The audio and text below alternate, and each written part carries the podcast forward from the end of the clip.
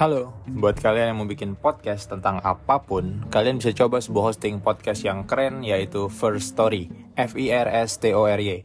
First Story ini bisa kalian gunakan 100% gratis. Di dalamnya kalian tinggal upload rekaman podcast kalian, langsung dipublish bisa atau mau dijadwalkan untuk waktu tertentu juga bisa.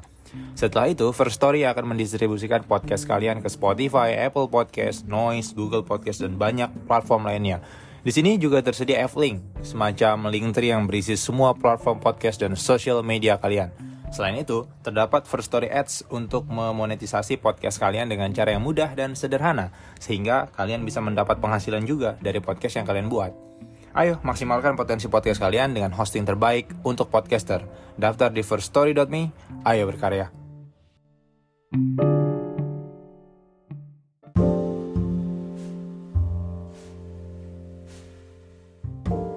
Halo, kembali lagi bersama saya Rinsya Mahendra, your book reader. Ini adalah segmen Al-Qudus, sebuah novel kitab suci karya Asef Saiful Anwar. Bab 16, Drakem. Yang munafik dan yang bebal. Siapakah orang-orang munafik itu? Katakanlah, mereka adalah orang yang senantiasa menyebut-nyebut namamu dalam percakapannya, tapi tak pernah menyapamu.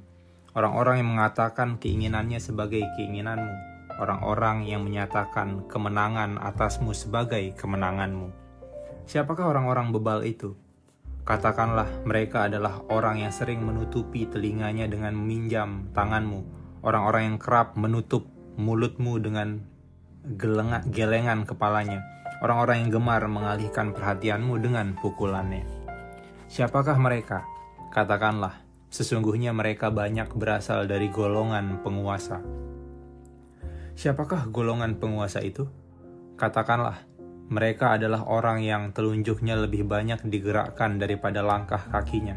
Orang-orang yang menggerakkan lidahnya hanya untuk dituruti. Orang-orang yang banyak menggerakkan sesamanya hanya dengan anggukan dan gelengan kepalanya. Orang-orang yang merasa manusia lainnya sebagai miliknya dan digunakan sebagaimana kemauannya sendiri. Siapakah mereka yang dirasa dimiliki itu? Katakanlah, mereka adalah orang-orang yang memiliki sedikit pengetahuan dan dipelihara oleh para penguasanya agar tetap dalam keadaan sedikit pengetahuan. Segala ciptaan milik pencipta. Sesungguhnya manusia tak memiliki apa pun di dunia ini, bahkan pada tubuh dan roh mereka sendiri. Bila manusia dapat membuat pakaian, siapakah yang memberi pengetahuan atasnya untuk membuat selembar kain? Bila manusia mendirikan rumah, siapakah yang menciptakan tanah untuk pijakannya? Bila manusia memperkerjakan manusia lainnya, siapakah yang memberi rezeki untuk memberi upah? Dan manusia tidaklah memiliki manusia lainnya. Maka itu, kami pernah mengutus sajuan agar manusia sadar bahwa pasangannya, anaknya, harta bendanya, dan tanah yang dijejakinya bukanlah miliknya. Janganlah hal-hal itu membuat kemelekatan pada tubuh dan pikiranmu. Janganlah semua itu membuatmu terikat dan lupa akan kebebasan. Cintamu yang berlebihan kepada sesuatu akan membuatmu buta pada nilai-nilai kebaikan yang diperlihatkan kepadamu dan membuatmu tuli pada ajaran-ajaran Tuhan yang diperdengarkan kepadamu. Demikianlah yang terjadi pada Raja Arkinom yang terikat kekuasaannya dan melupakan kebebasan orang-orang di sekelilingnya. Ingatlah ketika Raja Arkino menyampaikan mimpinya kepada para imam di dalam istana. Telah sebelas malam berturut-turut aku bermimpi hal yang sama. Suatu pagi aku bersama pasukanku berburu ke hutan tepi lautan. Namun hutan itu seperti kosong tiada berpenghuni. Tak ada rusa yang berlari, tak ada kera yang bergelantungan, tak ada harimau yang membuat para prajurit waspada, tak ada singa yang mengaum, dan tak ada burung yang terbang di atas kami. Ketika telah habis menyusuri hutan dan tak menemukan satupun hewan yang muncul, kami kembali ke istana. Sepanjang perjalanan pulang, para budak yang tiada berbaju tidak menundukkan wajahnya di hadapanku. Mereka menatapku seolah aku bukan rajanya dan ketika aku memandang diriku sendiri, ternyata aku tidak berbaju pula. Ketika masuk ke dalam istana, aku justru terkejut karena hewan-hewan yang tidak aku temui di hutan, tepi lautan justru ada di sana mengenakan pakaian para pelayan. Aku berjalan ke arah kursi yang kududuki ini dan di sini telah duduk seekor kera yang mengenakan mahkotaku. Sebelum aku berhasil merebut mahkota di atas kepalanya, datang seorang pemuda yang merebutnya dan merusak mahkota itu dengan tongkatnya. Sebelas malam berturut-turut mimpi itu berulang di mana pun aku tidur. Dari awal sampai akhir urutan ceritanya selalu sama. Berkata kepada para imam istana. Berkata kepala para imam istana. Sesungguhnya telah jelas arti mimpi paduka yang mulia, dan sesungguhnya mimpi itu sedang mulai berjalan menjadi kenyataan. Ada seorang pemuda bernama Sajuan yang kini tinggal di hutan tepi lautan. Ia mengajarkan untuk melepaskan hewan-hewan dalam kurungan dan memerdekakan para budak. Ia sendiri adalah budak yang dimerdekakan tuannya lalu mengaku dirinya sebagai rasul. Sungguh tidak mungkin Tuhan mengangkat budak sebagai rasul sedangkan di mata kita sebagai manusia saja budak itu sederajat dengan hewan. Dan mungkin karena kestaraannya dengan hewan itu, Sajuan memerintahkan untuk melepaskan segala hewan dalam kurungan dan meninggalkan kebiasaan berburu hewan. Sungguh, Sajuan hanyalah penghasut yang hanya ingin dihormati sesamanya. Alangkah lebih baiknya bila Paduka yang mulia mengirimkan pasukan untuk menggempur Sajuan dan para pengikutnya di hutan tepi lautan. Berkata Raja Arkinom, Mengapa berita besar ini baru aku dengar, sementara banyak kabar kecil yang sampai ke telingaku setiap hari? berkata kepala prajurit, Sesungguhnya Sajuan dan para pengikutnya lari ke arah hutan tepi lautan karena kami yang mengusirnya. Kami pikir ini masalah kecil yang bisa diselesaikan hanya dengan melepaskan pedang dari sarungnya dan kembali menyarungkannya. Jika paduka yang mulia berkenan, kami akan segera menggempur mereka. Raja Arkinom berkata, tak usah digempur, tapi panggil dan bawalah seseorang bernama Sajuan itu ke hadapanku. Namun, Sajuan yang tak memiliki apa pun dan tak dimiliki siapa pun kecuali Tuhannya itu telah menghilang. Bahkan ia meninggalkan tongkatnya yang selama ini seolah telah menjadi miliknya. Dia tiada meninggalkan pesan sebab merasa tak memiliki apa pun untuk disampaikan. Dia tiada meninggalkan jejak untuk ditelusuri sebab merasa tak memiliki siapa pun. Hanya mereka yang telah dimerdekakan di hutan tepi lautan itu menyambut kedatangan para prajurit Raja Arkinom. Berkatalah salah satu di antara mereka, Sajuan telah tiada sejak pagi. Mungkin ia telah pergi sebelum pagi, sebelum kami bangun dari mimpi, dan ia tak berkata apa pun sebelum kami bermimpi. Berkatalah pemimpin para prajurit, siapakah di antara kalian yang menjadi pemimpin untuk menghadap sang raja? Berkatalah yang paling tua di antara mereka. Sesungguhnya kami belum menentukan sebab Sajuan pun bukan pemimpin kami meskipun kami menginginkannya. Selama ini tidak ada pemimpin di antara kami kecuali bergantian memimpin dalam berbagai hal ketika membangun rumah sajuan pun akan menjadi pengikut yang berbakti kepada seseorang di antara kami yang pernah menjadi budak dalam membangun rumah-rumah tuannya. Ia pun pernah menjadi pengikut kami ketika menjahit pakaian. Ia juga pernah menjadi pengikut kami ketika menanam dan memanen sayuran. Dan ia akan memotong-motong sayuran sementara seseorang di antara kami memasaknya. Siapa yang pandai dan berpengalaman atas suatu pekerjaan akan kami jadikan pemimpin atas pekerjaan itu Siapa pemimpin dari para pemimpin itu, Sajuan belum menerangkannya dan ia malah menghilang ketika kami memintanya menjadi raja di hutan tepi lautan ini. Berkatalah pemimpin para prajurit, sungguh lancang perkataan itu sebab kalian masih di bawah kekuasaan sang raja Arkinom. Dialah raja yang pandai dan berpengalaman dalam memimpin. Kalian masih harus tunduk pada segala hukum kerajaan di mana hutan tepi lautan ini adalah wilayahnya. Berkatalah yang paling muda di antara mereka, Tidak, Sesungguhnya kami tidak berada di bawah kekuasaan manusia mana pun. Kami pun tidak berkuasa atas siapa pun sebab kami memiliki jiwa dan tubuh yang merdeka. Hanya Tuhan yang boleh memerintah dan melarang kami atas sesuatu. Berkatalah pemimpin para prajurit, bukankah telah dijelaskan dalam kitab-kitab bahwa sang raja adalah keturunan Tuhan? Kembalilah kepada sang raja, tunduklah padanya dan laksanakanlah seluruh perintahnya, sebab ialah tangan dan kaki Tuhan di dunia ini. Demikianlah para imam istana menerangkan. Sajuan hanyalah penghasut yang menipu kalian semuanya agar melupakan ajaran nenek moyang yang telah lestari. Sebagian di antara pengikut Sajuan itu kembali pada sang raja. Mereka adalah orang-orang yang memiliki sedikit pengetahuan. Mereka adalah orang-orang yang menurut kepada Sajuan hanya untuk merdeka, tapi tak tahu apa yang harus diperbuat setelah merdeka. Mereka adalah orang-orang yang hanya dapat hidup karena perintah manusia lainnya, tapi apabila mereka diberi kemerdekaan, mereka bingung hendak berbuat apa sebab terbiasa bergerak hanya karena ada sebuah perintah. Sebagian yang lain memilih menetap di hutan tepi lautan dan memilih Drakem sebagai utusan menghadap sang raja. Siapakah Drakem? Dialah yang air matanya paling rebas ketika tahu Sajuan telah pergi. Dialah yang terakhir dimerdekakan Sajuan dari seorang pedagang hewan. Dialah yang bangun paling awal pada pagi ketika Sajuan telah pergi dan hanya menemukan tongkat Sajuan mengambang di atas ombak yang lalu diambilnya. Berkatalah sang raja, Tuturkanlah kepadaku tentang ajaran yang engkau dengar dari Sajuan. Janganlah engkau menambahi atau menguranginya sebab itu akan merugikanmu dan seluruh pengikut Sajuan di hutan tepi lautan. Berkata Drakem, Sajuan mengajarkan kemerdekaan atas setiap makhluk. Ia mengajarkan kami kehidupan yang merdeka dalam iman dan kebaikan. Ia mengajak kami untuk senantiasa menyadari hakikat kami sebagai makhluk Tuhan. Sebagai makhluk, kami menyelaraskan diri dengan alam dan senantiasa berupaya tidak mengganggunya kami memakan apa yang kami tanam dengan mengembalikan biji atau tunasnya kepada tanah. Tidak ada yang saling menguasai atas diri kami, bahkan kami berusaha untuk tidak mengganggu kehidupan mereka sejak dalam pikiran. Kami tidak berpikir suara seekor burung sebagai nyanyian, sebagaimana dulu kami terbiasa menyatakannya karena dapat saja ia sedang mengisak. Kami tidak pula berpikir anjing berkaki empat dan tak memiliki tangan, karena dapat saja apa yang dimiliki anjing bukanlah kaki melainkan tangan. Kami tidak menyebut singa sebagai hewan yang buas karena memakan hewan lainnya dan kami tidak pula menyebut nyamuk hewan yang nakal karena gemar mengganggu manusia. Sebab demikianlah mereka ditetapkan untuk hidup dan hanya menjalani apa yang digariskan Tuhan. Bila dengan makhluk lainnya saja kami sederajat, apabila kami dengan sesama manusia lainnya, Demikianlah Sajuan mengajarkan dan bahkan kini ia meninggalkan kami ketika hendak kami jadikan pemimpin atas diri kami di hutan tepi lautan. Berkata sang raja, apa yang kau tuturkan itu sungguh bertentangan dengan ajaran nenek moyang kita. Adakah engkau belum pernah mendengar bahwa apa yang ada di dunia ini seluruhnya diciptakan Tuhan demi manusia? Kita adalah makhluk kesayangan Tuhan.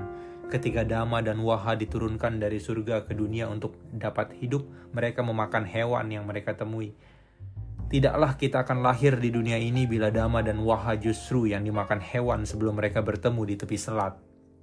Dan ketika sampai pada masa Heb, manusia mencapai pengetahuan-pengetahuan baru karena berburu.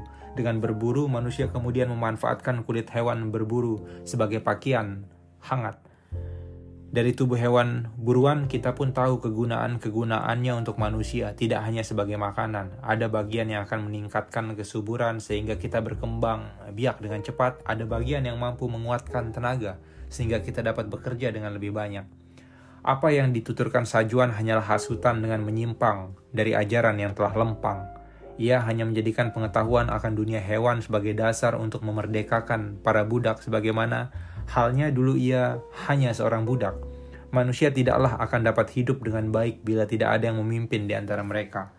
Heb adalah yang dipilih Tuhan untuk mengatur manusia agar tetap teratur di dunia ini hingga kini telah sampai pada zamanku sebagai penerusnya. Berkata Drakem, apa yang telah menjadi pengetahuanmu telah pula menjadi pengetahuan kami, dan Sajuan datang kepada kita untuk meluruskan itu semua yang telah dibelokkan semenjak masa Heb. Berkatalah Arkinom, sungguh ini adalah makar. Kamu telah menuduh pendahuluku dengan semena-mena. Heb tidaklah membelokkan ajaran tetapi justru mengembangkan ajaran Tuhan. Dan aku akan terus menjaganya sebab demikianlah dunia akan terus menjadi teratur. Heb sungguh berbeda dengan Sajuan yang tak kunjung datang kemari untuk membelamu dan teman-temanmu sebagai pengikutnya. Engkau hanya atas kebaikanku, sekali lagi hanya atas kebaikanku, masih dapat menghembuskan nafas hingga sekarang. Telah aku persilakan pula engkau untuk menuturkan ajaran yang kau percaya itu sebagai sebuah kebenaran, tetapi bagiku itu hanyalah imingan sajuan agar kalian menjadi pengikutnya. Sekali-kali engkau pasti tidak akan menjadi pengikut sajuan bila telah bila tak dimerdekakan sebagai budak. Kini kembalilah kepada mereka yang masih tinggal di hutan tepi lautan. Kabarkan kepada mereka bahwa sesungguhnya mereka yang telah kembali kepada kekuasaanku kini telah hidup dalam banyak tawa dan senyuman serta aneka pekerjaan. Dan katakan pula pada mereka bahwa kami tak segan menyerang orang-orang yang tidak lagi mengikuti ajaran Heb dan mengakuiku sebagai raja. Kami beri kalian waktu hingga satu pekan. Maka pulanglah Drakem kepada kaum Derales yang tinggal di hutan tepi lautan. Dikisahkannya seluruh pengalamannya berikut pesan sang raja. Terbagi dua. Terbagi dua lagi golongan itu. Mereka yang ingin kebahagiaan dari sang raja memilih menyeberang. Mereka yang ingin kebahagiaan dari Tuhan memilih bertahan. Hanya 71 orang yang memilih tetap bertahan bersama Drakem sampai datang waktu yang dijanjikan dan kembali lagi ribuan prajurit mengepung. Kami perintahkan seluruh burung terbang di langit hutan tepi lautan. Kami perintahkan mereka berputar-putar melingkari matahari. Mendadak menjadi gelaplah seluruh hutan. Kami perintahkan segala hewan mengepung dan menerjang pasukan itu. Apa yang terdengar kemudian hanyalah suara jeritan dan raungan serta suara tubuh yang jatuh setelah mengadu. Ketika burung-burung kembali ke dahan dan matahari menampakkan sinarnya, berserakanlah seluruh prajurit Raja Arkinom di atas tanah Seluruhnya telanjang sebab pakaian mereka telah tercabik-cabik.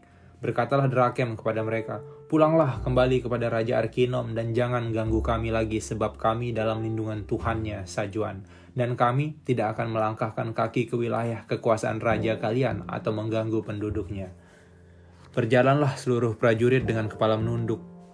Tunggangan mereka ditinggalkan bersama senjata-senjata yang tinggal gagang. Wajah mereka hitam semuanya dan mulut mereka tak dapat dibuka. Sesungguhnya wajah mereka menjadi hitam sebab telah kami perlihatkan pada mereka wajah maut melalui hewan-hewan yang meraung dan mengepung. Namun pelajaran pelajaran itu tak dapat diterima oleh Raja Arkinom. Maka datang lagi prajurit Raja Arkinom dengan jumlah yang lebih besar dan sang raja memimpin di barisan terdepan. Sebelum pengikut sajuan melawan, hewan-hewan telah menyerang dan menerjang. Berjatuhanlah mereka yang menunggang kuda dan gajah sebab hewan-hewan yang ditunggangi itu kami bisikkan untuk memberontak. Berjatuhanlah prajurit-prajurit pejalan kaki sebelum senjata mereka diayunkan. Tubuh mereka penuh sayatan dan cabikan, dan dari setiap bagian tubuh itu darah mengucur. Nyawa mereka masih kami perkenankan berada dalam tubuh yang rubuh. Tertinggallah Raja Arkinom yang masih duduk di atas kudanya dan masih memberi perintah. Perintah yang hanya menjadi angin kosong sebab mahkota di kepalanya telah menggelinding hingga tak ada lagi yang tunduk padanya. Berkatalah Drakem, Sesungguhnya kami tak pernah mengganggu wilayah kekuasaanmu. Kami pun tak pernah berhubungan dan dengan penduduk kerajaanmu. Mengapakah engkau menyerang kami? Apabila hewan-hewan menyerang dan melukai para prajuritmu, tidaklah itu atas perkenan kami Apabila kami berkenan, maka kami akan berdoa kepada Tuhan agar memerintahkan hewan-hewan itu juga menyerang istanamu. Kembalilah ke kerajaanmu sebab kami tak akan pernah ke sana atau turut campur atas apa yang terjadi di dalam kerajaanmu.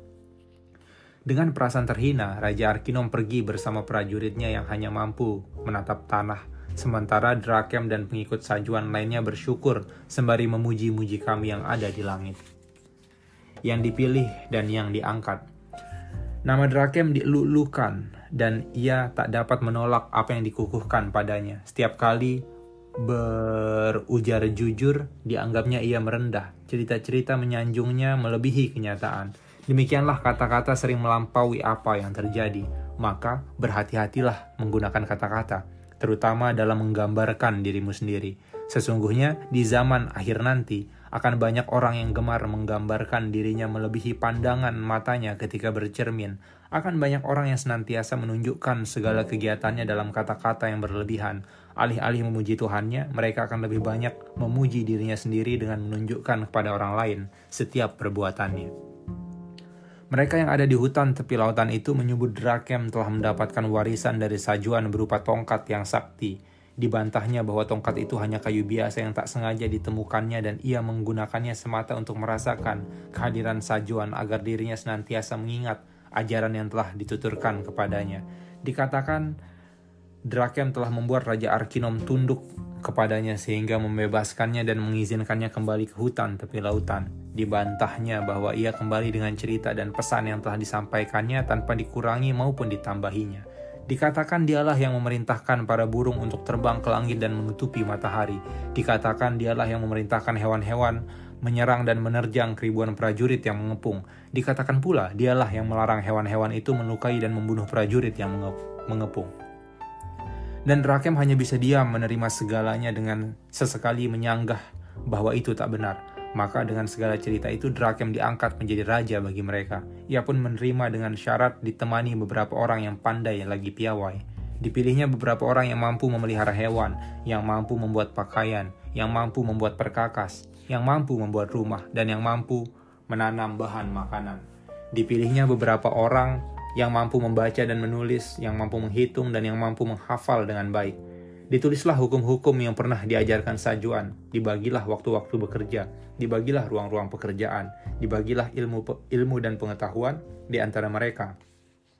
Ditetapkanlah nama laut dekat mereka sebagai laut Sajuan, sebagai tanda penghormatan sekaligus peringatan akan ajaran yang telah disampaikan maka ditetapkanlah pula hukuman bagi para pelanggar. Setiap yang mencelakai harus membalut luka. Setiap yang mencuri harus mencari rezeki bagi yang dicuri, sebanyak yang dicuri. Setiap yang membunuh harus menjadi yang dibunuh. Dan siapa yang tak patuh atas semuanya diserahkan hukumannya pada Tuhan dengan membiarkannya berjalan di hutan tepi lautan. Apakah hewan-hewan akan membiarkannya hidup atau menjadikannya makanan? Dan satu peringatan telah menjadi ketetapan ketika ada seseorang yang membunuh dan berusaha lari dari hukuman. Dia yang membunuh dan melarikan diri ditemukan kepalanya tertinggal di tepi lautan. Mereka pun percaya bahwa Tuhan telah menghukum melalui hewan-hewan buas yang taat. Maka tak ada yang berani melanggar kecuali bersabar menanggung hukumannya. Sampai datang beberapa orang dari negeri Raja Arkinom. Ditanyalah Mengapa mereka datang? Dijawablah bahwa mereka hendak berpindah untuk hidup menetap di hutan tepi lautan. Ditanyalah, mengapa mereka hendak pindah? Dijawablah bahwa mereka hendak berlindung dari Raja Arkinom. Ditanyalah, mengapa mereka hendak berlindung? Dijawablah bahwa Raja Arkinom telah berbuat lalim. Draka menjadi bingung sebab telah berjanji tak akan turut campur. Ditanyakanlah kepada mereka yang pandai membaca dan piawai menulis apa yang harus dilakukan Berkatalah salah satu yang pandai, Sesungguhnya mereka adalah orang yang melanggar hukum di negerinya, sepatutnya mereka patuh dan tunduk kepada rajanya. Bertanyalah Drakem, apakah salah bila kita melindungi mereka? Karena kita pun dulunya seperti mereka. Berkatalah salah seorang, piawai, kita telah melawan Raja Arkinom dan telah membuat perjanjian, tetapi belum membuat hukum akan perkara itu. Namun apabila mengingat nasihat sajuan yang agung, Sepatutnya kita melindungi mereka, sebab sejatinya tak ada kekuasaan manusia atas manusia yang lain. Bertanyalah Drakem, jika demikian, aku akan melanggar janji dan itu sungguh tercela di mata Tuhan. Berkatalah seorang yang pandai lagi piawai di antara mereka, Sesungguhnya kita bisa menguji keputusan Tuhan dengan cara menyerahkan mereka ke tengah hutan jika dalam semalam mereka masih hidup, berarti Tuhan memperkenankan mereka tinggal di sini. Dan demikianlah keputusan yang diambil dengan mengantarkan mereka ke tengah hutan, tepi lautan untuk tinggal dalam satu malam. Dengarkanlah doa Drakem kepadaku di malam itu. Tuhanku, berilah keputusan terbaik bagi kami dan mereka. Sesungguhnya aku dapat saja meminta kepadamu agar membiarkan mereka tetap hidup. Tetapi engkau yang lebih tahu bila kematian mungkin lebih baik bagi mereka Apa pun yang terjadi, kami akan menetapkannya sebagai pedoman. Ketika Drakem kembali ke tengah hutan, didapatilah mereka masih hidup dan sedang menahan lapar karena selama semalaman mereka tak berani memakan apa pun. Sesungguhnya, kami membiarkan mereka hidup bukanlah untuk dilindungi dan menetap di hutan tepi lautan, melainkan karena mereka tak mengganggu kehidupan hutan. Maka kami angkat Drakem sebagai utusan agar segalanya menjadi terang dan kami mengizinkannya menjadi pemimpin sebagaimana doa sajuan dahulu. Kami berfirman kepadanya, kabarkanlah kepada mereka yang meminta perlindungan padamu untuk bersabar dan tak usah berpindah. Kelak ketika Raja Arkino meninggal, akan ada putranya yang baik lagi bijaksana. Sebelum itu terjadi di antara kalian, pengikut Sajuan dan rakyat Raja Arkinom tidak boleh ada yang saling menikah dan tidak boleh saling berdagang Sesungguhnya sejak engkau menjadi pemimpin bagi kaummu, akan ada dua pemimpin di dunia, yaitu yang satu dipilih dan yang lain diangkat. Penggantimu adalah yang dipilih kaummu, sementara pengganti Raja Arkinom adalah anak turunannya. Dari dua pemimpin itu akan ada yang paling buruk dan akan ada pula yang teramat bijaksana. Maka Dibimbinglah mereka yang meminta perlindungan untuk kembali kepada Raja Arkinom. Diperintahkan pada mereka untuk menghadap sang raja dan memberitakan kepadanya bahwa para pengikut sajuan tak menerima mereka. Diyakinkan hati mereka bahwa tak akan ada celaka bagi mereka sebab Tuhan telah menjamin keselamatan mereka. Sekian, see you on next episode. Bye.